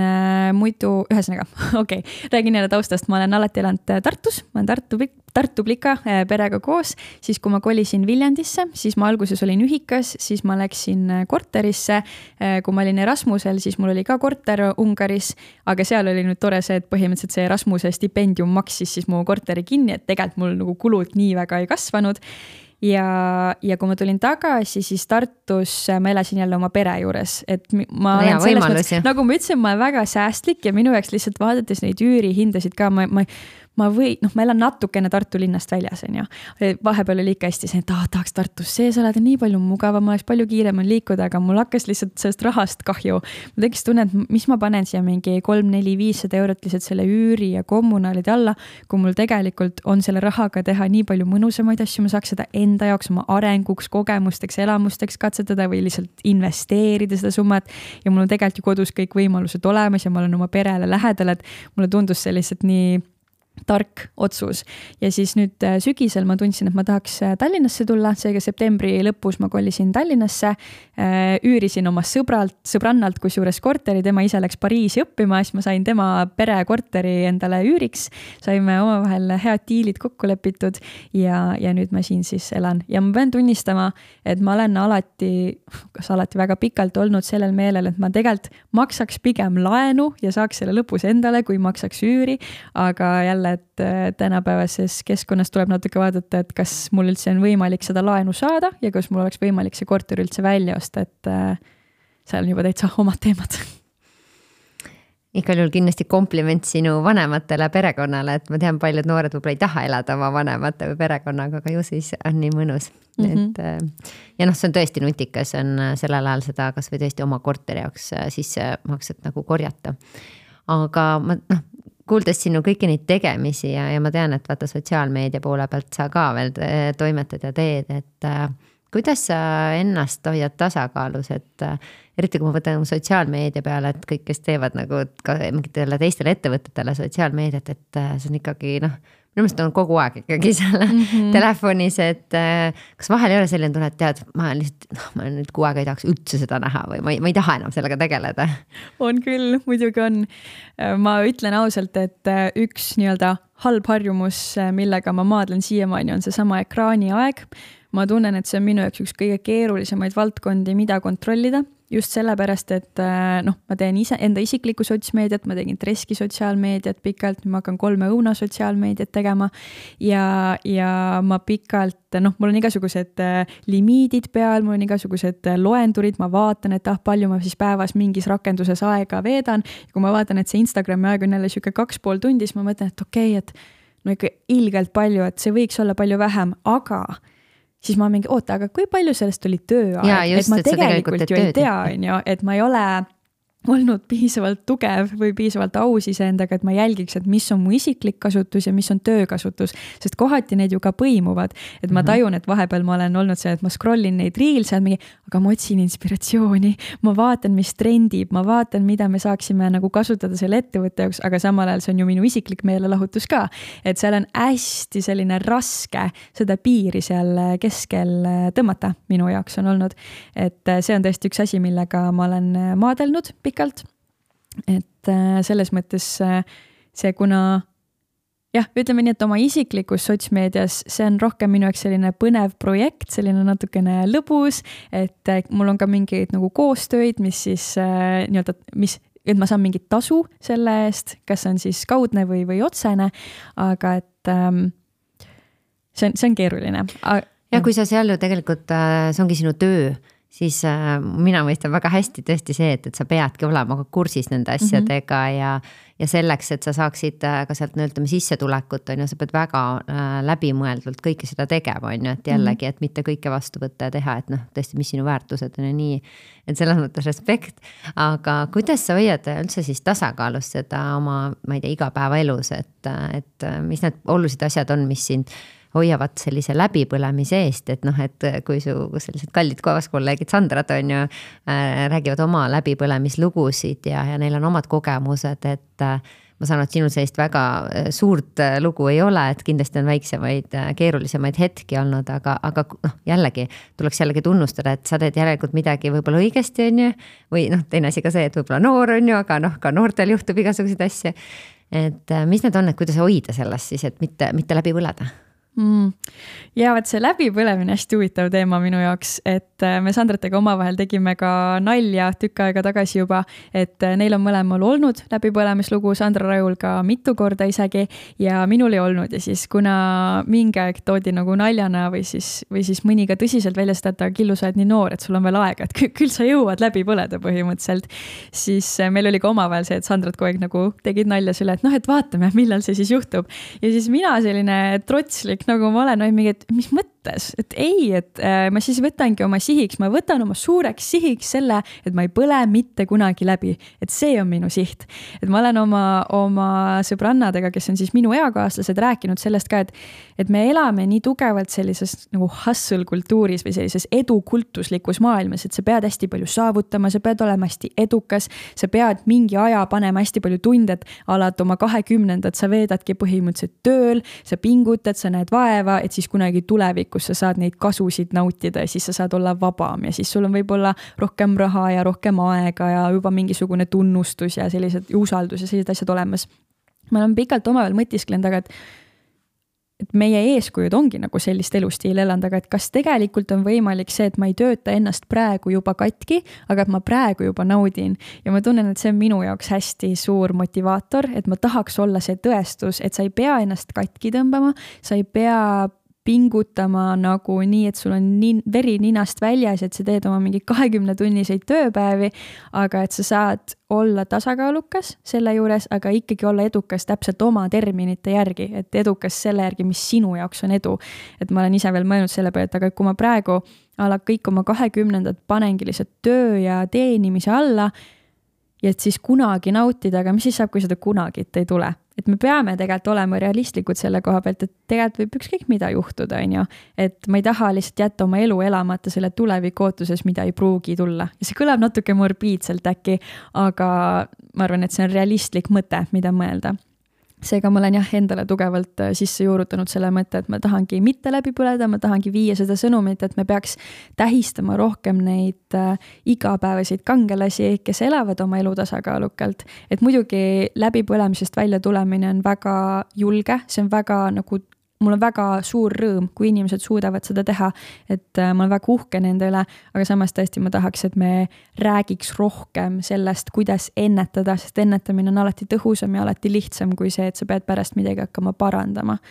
ja, ja mida mina selleks siis äh, teen, äh, minu jaoks näiteks üks hästi oluline osa on minu hommikud ja õhtud, ehk siis minu hommiku ja õhtu rituaal.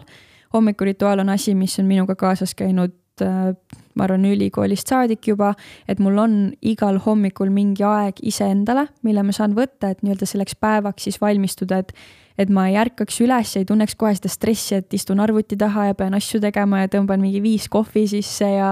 ja võib-olla teen tobi ka akna peal ja, ja, ja mingid kõned ja koosolekud ja kõik asjad kohe, et ma olen seda mõnel hommikul vaata kogemata juhtub, et aa, et ma ärkan veits hiljem, siis ma pean kohe kuskile minema. eelmine talv mäletan niimoodi, et ma pidin astuma korterist välja hästi nagu kiiresti, võtma Bolt Drive'i, siis ühtegi Bolt Drive'i ei olnud, siis ma pidin kõndima kümme minutit, siis ma lõpuks leidsin ühe ja siis oli lumehange pargitud niimoodi, et juhi uksest ei saanud sisse. ja siis ma läksin kõrvalt uksest, pidin üle selle ronima, aga siis see oli nagu põmps seal mingi kinnist taga ja ees, vaid ka auto tuli lähedal ja siis see läinud käima ja siis ma lihtsalt mingi täiesti endast väljas ja mul oli aja peale minek, eks ma noh pidin minema ja siis ma kuidagi sain selle auto sealt välja. ja siis mul oli kõht mega tühi, sest ma ei jõudnud süüa, siis ma olin pahane ja ma torisesin ja ma siis sain aru, et nii paljud inimesed elavadki sellist elu, et nad elus ei tahaks. see oli nii ebamugav, see oli nii halb, ma mingi ükskõik, mida sa teed, Killu, lihtsalt proovi vältida seda, et sa jõuaks sinna, ma ei taha lihtsalt sellist elu elada. ja, ja sellepärast minu jaoks need hommikud ongi lihtsalt nii olulised ja hommikurituaal ei ole mul kogu aeg sama, et see ajas ikkagi muutub. praegusel hetkel, mida ma teen, on see, et ma teen äh, kõik oma noh, näohooldused ja asjad, ma teen valguslampi, ehk siis ma istun äh, circa sihuke viis kuni kümme minutit oma valguslambiga, siis mõtlen omi mõtteid, lihtsalt olen. Äh, venitused hommikuti ja loen ka raamatut, et ideaalis ma loen sihuke kakskümmend minutit, kui mul on kiirem, siis ma loen vähem, aga peaasi, et ma võtan selle raamatu vähemalt lahti, loen nagu üks-kaks lehekülge, et see harjumus juurduks ja harjumus ei kaoks ära ja, ja see, et ma ei võta esimese tunni aja jooksul telefoni kätte. et tõesti, ma sellega olen ka võib-olla kõige rohkem maadelnud selle sees, aga tegelikult see on võimalik, et sellepärast ma arvan, ma olen ka leidnud need mingid väga spetsiifilised konkreetsed tegevused, et see aitab mul sellest telefonist eemale hoida, sest mul on alternatiiv olemas, et mul tegelikult ei ole vaja minna sinna telefoni, et mul on tegevus olemas. ja samamoodi õhtutega, et äh, ma loen, ma panen kodus sellise hästi hubase valguse, mul on küünlad ja mul on selline LED-lamp, mida saab soojaks panna ja ja ma teen ogamatti äh, see on see Shakti matt või niimoodi hästi mõnus on. ja, ja õhtul ka siis mingisugused venitused, et, äh, et iga päev, noh muidugi ma ei ole ideaalne, et see ei ole iga päev tund aega, mida ma seda teen, mõnikord see on viis minutit ja mõnikord ma näiteks hommikuasjad jaotan niimoodi päeva peale ära, kui ma hommikul kõiki kohe ei jõua teha. et äh, tuleb lasta endal ka seda, anda seda leebust ja sõbralikkust jälle, et sul on mingisugune muutlikkus, mingi volatiilsus seal sees. ja, ja mis veel? aga ideaalis mm., kui kaua hommikul sa selle jaoks aega võtad, tund aega? ja kui mul on võimalik, siis ma tahaks võtta esimese tunni. mis kell sa tõused? Ehm, see sõltub ka veits nagu aastaajast, et praegusel hetkel mul on sihuke seitse kolmkümmend kaheksa, et mina ei ole seal kella viie klubis ja, ja ma tunnen, et see ei sobikski mu kehale. et sageli me räägime, et aa, et sa pead hästi vara ärkama selleks, et jõuda kõik need asjad ära teha ja siis, kui sa ja siis sa pead vara magama minema ja siis sa oled nagu tegija. Aga tegelikult äh, meil kõigil kehaliselt, meil on oma kronotüüp, meie keha tegelikult teab, mis hetkel ta tahab magama minna, meil ongi varajase, keskmise ja hilise kronotüübiga inimesi, ehk siis kõigil ei sobigi minna kell kaheksa magama, mõni, mõne keha tahabki, et ta läheks kell kaksteist, kell üks magama et siin ei ole sellist ühte õiget viisi, mida, mida peab tegema, aga minu jaoks töötab jah see, et ma magan kaheksa tundi iga öö ja ma ärkan sihuke seitse kolmkümmend kaheksa. ja kuna ma olen vabakutseline, siis mul on õnneks see vabadus ise oma aega planeerida, ehk siis ma saangi teha nii, et ma ei alusta oma tööpäevi enne kella üheksat muidugi jälle, siin vahepeal tuleb ikka mingisuguseid äh, erandeid, erandeid sisse, sisse, aga suures plaanis, et äh, enne kella üheksat ma tavaliselt ühtegi koosolekut ei pane ja, ja arvutit lahti ei võta ka. võin just mõtlema, et, et ülilahe ja, ja vaata, kui sa sellise rütmiga lähed, et noh, kindlasti, mis muutujad sisse tulevad, on see, kui lapsed tulevad, on ju. Mhm. et noh, Sandra Vaban on jaganud enda kogemust ja meil ka podcast'is käinud rääkimas. aga, aga kui sul juba kuidagi see rütm on sees, vaata siis sa ka leiad või see süsteemsus, et äh, tegelikult on võimalik seal leida, jah, loomulikult seal tuleb tõesti teisi, laps on haige ja seal öö otsa ja nii edasi, on ju. et see kindlasti on raskem, aga ma arvan, et kui sul juba see harjumus on sees, et sul on ikkagi natukene lihtsam nagu mm. -hmm. ja, ja ma arvan, et see lahti mõtestamine ka, et ma tean, miks ma seda teen, et ma ei tee seda lihtsalt sellepärast, et olla trendikas, ma ei tee seda sellepärast, et see on lahe, vaid ma tean, kuidas see mu keha mõjutab, kuidas see mu vaimu mõjutab ja ma ei taha nüüd kellelegi liiga teha, selles osas ma tean, et lapsed on tohutu mõjutus, eh, tohutu noh, on, see muudab lihtsalt kogu seda mängu, et ma ei saa väita ja ma ei väidagi, et mul on need teadmised, kuidas see elustiil oleks kõige parem siis, kui sul on lapsed. parim, mida ma tean, ongi see, et mida Sandra näiteks teeb, et ma näen, Sandra on minu kõrval väga selline positiivne eeskuju, et tal on kaks väikest last, aga ta ikkagi suudab neid asju teha, sest ta valib iseennast seal sees ja see ei tähenda, et ta ei oleks oma laste jaoks olemas. ei, absoluutselt mitte, aga näiteks tema ärkabki varakult selle jaoks, et ta saaks võtta selle aja endale ja seejärel olla oma lastele olemas et äh, muidugi meie, meie juures tuleb võtta arvesse seda, et me oleme vabakutselised, see loob meile väga palju vabadust kogu selles süsteemis. aga jälle, et äh, võib-olla, võib-olla mõni arvab, et ma olen natuke naiivne, aga ma usun, et alati on mingi viis leida lahendust, et jälle, see ei pea olema tund aega, see võib olla viis minutit. see võib olla päeva keskel, kui mitte hommikul. Äh, võib-olla sul on võimalik leida mingi tugisüsteem, et näiteks äh, on sul näiteks elukaaslane, et vahetate neid päevi, mõni päev üks panustab, mõni päev teine panustab, et ähm, et ma ei saa siin üldistada, see on nii individuaalne see olukord, aga ma lihtsalt olen väga suur uskuja, et tegelikult, kui sa tahad, siis on võimalik leida viise. ma arvan ka, et see on selline mõtteviisi küsimus, et kas mul on see oluline, kas ma tahan seda teha et ma mäletan, ma aasta tagasi hakkasin ka igal hommikul äh, päiksetervitust tegema, noh jällegi mm. mitte igal hommikul on ju. aga ma nägin, kui suur vahe on see, kas ma kohe jooksen oma tegevustesse või ma teen korraks, kasvõi tõesti see viis minutitki, ma võtan iseenda jaoks, et see juba on ja noh, täpselt öeldagi, et noh täna on nii, on ju, et mm, -hmm. et ja võib-olla mingil hetkel on see tund aega. Aga mina näen suurt vahet sellest, et kui lapsed olidki väiksemad ja ma tõesti pidingi, ma ei tea, kaheksa kolmkümmend linnas olema, on ju, elasin, ütleme seal nelikümmend minutit linnast eemal Äh, et äh, need hommikud olid ikka nagu ma tagantjärgi mõtlen, et issand, kui õudne see kõik mm. oli, see oli tõesti õudne, nüüd on õnneks lapsed suuremad. Äh, ja ongi, et suurem juba Tartus elab, aga et kui suur vahe sellel on ja teine asi veel, et see kodukontori võimalus, et kui ma ennem pidin olema võib-olla selleks ajaks linnas, siis täna ma saan olla saata lapse kooli kenasti, korra mm -hmm. võib-olla hetk mõelda oma asju, sättida oma päeva ja siis avada arvuti, ehk ma ei pea sõitma seda aega maha mm. -hmm. et ma tõesti olen iga päev selle üle nagu tänulik, õnnelik, noh, loomulikult on jällegi teistsuguseid päevi, kus ma kiirustan ka linna. aga, aga siis jälle ma juba tahan neid päevi, kus ma ei pea minema kuhugi ah,. nii lahe, seda on täiega rõõm kuulda. minu arust see on nagu üks võib-olla ilusamaid asju, mida Covid meile andis, et kui varem väga paljudel, kas siis tööandjatel oligi see võimalus öelda, et ei, ega meie töö ei sobi kodukontorisse, me ei saa, me peame koos käima, me peame kindlasti seda tegema, siis see kogu digielu äh, ja, ja igasugune isoleerimine näitas meile, et tegelikult maailm ei jää seisma tegelikult on väga-väga võimalik igasuguseid muudatusi luua, ainult meil peab see tahe endal olema. ja muidugi me jõudsime, tulime sealt välja, natuke aega see süsteem kestis ja siis tuli jälle see, et ei, aga no kontoris on ikka parem ja noh, eks me ikka lähme mingis osas vanasse mustrisse tagasi, aga meil on see kogemus, et tegelikult see on võimalik jah, siinpool ma tooksin välja, et võib-olla ei tohi ka liiga kauaks koju jääda, et mm -hmm. mina juba tunnen seda, et ma pean sundima, et ma aeg-ajalt käin lihtsalt äh, nii-öelda töö juures, suhtlen inimestega, on väga lahe. Ja ma väga naudin seda, aga noh, ongi, et sealt jälle uuesti välja minna. ja, ja ei, seal on väga hea mugav olla, ka mina ise olen mõelnud seda, et peaks Tallinnas võtma endale mingisuguse kontoriruumi kuskil nagu selles äh, ühistöötamise mhm. alas, et lihtsalt see inimfaktor sealjuures just, et ma veedan tegelikult väga palju aega üksinda, just nagu kodus oma arvuti taga töötades, et suvine periood on selline palju aktiivsem, kus ongi kontserdid ja festivalid ja käid ja korraldad ja möllad, aga just selline see pime aeg, et äh, väga ei taha õue minna ja siis oled seal kodus, teed oma arvuti taga rahulikult tööd ja siis on juba päev vaikselt õhtusse läinud ja siis saad aru, et noh, läks siis jälle niimoodi, on ju. et äh, sellepärast ma teadlikult vahepeal lähen näiteks kohvikusse tööle või et, et ma seangi mingisugused välised kokkusaamised, näiteks podcast'i lindistamised ja ma lähen, pean kell üksteist olema seal, et see ajab mind jälle nagu ka kodust ja, välja, on ju, ja siis peale seda ma võib-olla lähengi kuskile, ma ei tea, kohvikusse hoopis tööd tegema, on ju jah, ma olen nõus, et, et tuleb niimoodi ennast sealt mugavustsoonist jälle välja äh, lükata ja, ja vahel ongi see, et nii hea mugav, et ei pea kuidagi sättima ennast ega midagi, et lihtsalt oled, aga, aga jällegi oluline on meil see kuuluvus ka. nii, aga tõmbaks siis äh, täna selle saate kokku, et ma usun, et kuulajad said siit erinevaid mõtteid, inspiratsiooni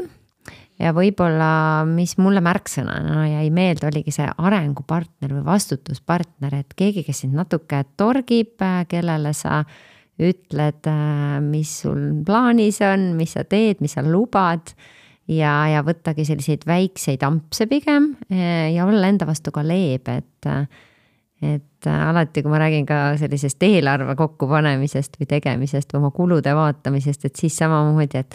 sa ei pea andma kohe neid hinnanguid ja, ja mm -hmm. silte panema, et võid vaadata, et täna on nii. ja nii nagu sa ütlesid, see, et aga miks see nii on ja minu meelest hästi huvitav, et just öelda, et aga miks mul see õnnestus, et me kuidagi mm -hmm. alati äh, analüüsime seda, et miks see võib-olla ei õnnestunud, on ju, aga et just, et oh, see on nii tubli olin, et oot-oot, kuidas ma sinna jõudsin, et äh, selle peale ka mõelda, see on lahe. ja, ja päriselt tähistada seda väikest võitu, et äh, et äh, ma ei tea, olegi uhkend üle, ma ei tea, premeeri ennast natukene, mis iganes see preemia siis sinu jaoks on või, või hõiska mõnele oma pereliikmele või sõbrale, et vaata, tegelikult oli lahe, et see ei ole egoistlik kuidagi, kui sa ütled, et sul läks hästi, et see pigem, sa näitad oma rõõmu, sa annad talle ka võimaluse olla uhke sinu üle, et see ei ole kuidagi nõme või või ma ei tea, suur egopauk, kui sa ütled, et tead, ma sain sellega täiega hästi hakkama, vaata, kui uhke ma iseenda üle, üle olen. ja seesama arengu või vastutuspartneri mõte ka, et et äh, lisan siia juurde veel see, et te ei pea ka sama asja kallal töötama. et, äh, et mõnikord arvatakse, et ah, meil peab olema sama eesmärk selleks, et me saaks olla üksteise vastutuspartnerid, aga tegelikult ei pea. mina näiteks olen äh, teinud kahe sõbraga niimoodi, et meil on ühine Exceli tabel, meil a la iga nädal või iga kuu on mingisugune oma, kas siis mingi fookusteema, millega me tegeleme, oma mingid sammud, mis me peame ära tegema. ja siis me seal märgime, kui kaugel me omadega parasjagu oleme, mis kuu lõpus võtame kokku, on ju. aga meie nagu asjad võivad olla täiesti erinevatest teemavaldkondadest valdkondadest, et ei pea üldse sama asjaga tegelema. üks küsimus tuli mul meelde, et äh, kui nüüd mõni kuulaja mõtleb, et äh, tahaks, äh, ma ei tea, sinu juurde tulla või, või võtta mõne arengutreeneri või coach'i. et ma saan aru, et seal on ka erinevaid võimalusi, et sa võid võtta nii, et iga kuu saad kokku või, või näiteks võib-olla paar korda saad kokku lihtsalt, et kuidagi aidata teele, on ju. et kui kallis selline asi on? Et Eestis on väga palju erinevaid tegijaid, väga paljudes erinevates valdkondades, väga erinevate töömeetoditega. et tõesti on võimalus teha seda üks-ühele, on võimalik teha seda ka grupis. ma ise tunnen, et meil neid grupisessioone või kursuseid on tegelikult isegi, see on suht rikastunud äh, valdkond või turg minu meelest. või siis võib-olla ma olen lihtsalt nii väga selle sees, on ju, et tekib see mulje. aga mulle paistab, et äh, et see nii-öelda privaatkonsultatsioon jääb üldiselt sihuke, ütleme mingi kuuskümmend kuni sada viiskümmend euro vahemikku. mulle tundub, et see on sihuke turu, turuvahemik, et et, et alustajad võib-olla võtavad natukene vähem, mõni väga nimekas võtab rohkem, aga mida ma olen täheldanud, on see, et sageli selline esmane konsultatsioon on tasuta, et sa saad kõigepealt üldse aru, et kas inimene oskab sind aidata nende teemadega, millega sa tahad tegeleda, kas te üldse inimestena klapite kokku, kas teie koostöö võiks sobida. Ja siis sa saad juba minna sellise plaani juurde, et kas te siis kohtute iga nädal või üle nädala või kord kuus või, või mis see selline süsteem olema saab ja kuidas saada üle sellisest häbist, et kuule, noh, ma ei tea, mõne ettevõtte juht on ju, tunneb, et ah oh, tahaks ka minna. aga kuidas ma lähen, ma ütlen, ma juhin seda ettevõtet, aga tead, ma ei saa oma isiklike mingite asjadega üldse hakkama, et äh, kuidas, kuidas sellest nagu üle saada? see on, mul on nii kahju, et inimestel tekib see mõte, et, et ma olen kuidagi läbi kukkunud või, või katki selleks, et ma peaksin abi otsima. et mida me alati ka ütleme oma kursustel, et sa ei pea olema kuskil augus või kuskil kehvas kohas selleks, et iseendaga tegeleda, et sa võid ka suures plaanis tunda, et tegelikult mul on kõik hästi, aga ma tahaks lihtsalt natukene veel midagi enamat või ma tahaks rohkem mingisugust väärtust enda ellu või ma lihtsalt tahan ennast ümbritseda teist sorti inimestega, et meil on väga erinevad eesmärgid, miks me iseendaga tegeleme. Aga samamoodi nagu öeldakse, et äh, sa ei pea psühholoogi juurde minema siis, kui sa oled juba täiesti katki, et vahel meil on lihtsalt vaja rääkida, vahel meil on lihtsalt vaja põrgatada ja ma tunnen, et igasugune mentorlus, nõustamine, coaching on selline väike otsetee, et me suudame ju sageli me suudame ise ka mingisugused asjad välja nuputada, aga kui kõrval on keegi, kes peegeldab meile meie mõtteid, kes peegeldab meie arusaamasid, võib-olla on meiega otsekohene ja aus ja ausam, kui me iseendaga julgeme olla, et siis see aitab meil ennast paremini mõista, aitab meil rohkem oma, oma asjadest aru saada, et äh, coaching selle koha pealt on eriline või teistsugune, on see, et äh, coach'id üldiselt ei ütle sulle otseselt, mida sa tegema pead, et see ei ole sama, mis nõustamine või mentorlus, aga, aga coach'i ülesanne või arengutreeneri ülesanne ongi sind küsimustega suunata. et mina siiralt usun, et tegelikult inimesed teavad väga hästi, mida nad tahavad. Nad kas A ei oska seda veel lihtsalt näha või B nad ei julge seda endale tunnistada, aga tegelikult need vastused kuskil sügaval sees on, on olemas, olemas.. pigem ongi see, et need tuleb natuke üles otsida ja minu ülesanne on siis küsimustega sind suunata sinna, et sa saad endast paremini aru, et tõesti hästi, mis on see, mida sina päriselt tahad ja kuidas sa sinna saad, on ju, mis sulle sobib, mis ei sobi. ja, ja ka mentoritel on mentorid, psühholoogidel on psühholoogid, coach idel on coach'id, et see on selline minu arust igasugune arenemine on täiekokk, et äh, me pigem peaks seda julgustama, et see ei ole asi, millega tegeleda siis, kui sul on halvasti, et endaga tegeleda on äge, seksikas, põnev igal ajal. kuule, nende sõnadega me võimegi kenasti lõpetada ja soovidagi kõigile ägedat uut aastat ja et see teekonna. aasta tooks täpselt seda, mida sina ise tahad, et see tooks. et ma arvan, et sageli soovime nagu, kas ongi siis mingi säravat uut aastat, ilusat uut aastat, väljakutsete rohket uut aastat, aga võib-olla ma tahan lihtsalt olla nagu yeah.. et, et see aasta tooks seda, mida sa ise tunned, et sa vajad ja tahad mina olen samamoodi oma soovidega, et ma võin arvata, et äh, sa tahad seda, seda, seda, sest mina tahan seda. aga tegelikult ma ei tea, mida sina tahad ja et mm -hmm. pigem need asjad, mida sina soovid, et äh, Just. nii ongi, väga äge ilusat aastat kõigile ja kohtumiseni juba äh, uues episoodis. tšau. kogumispäev. kogumispäev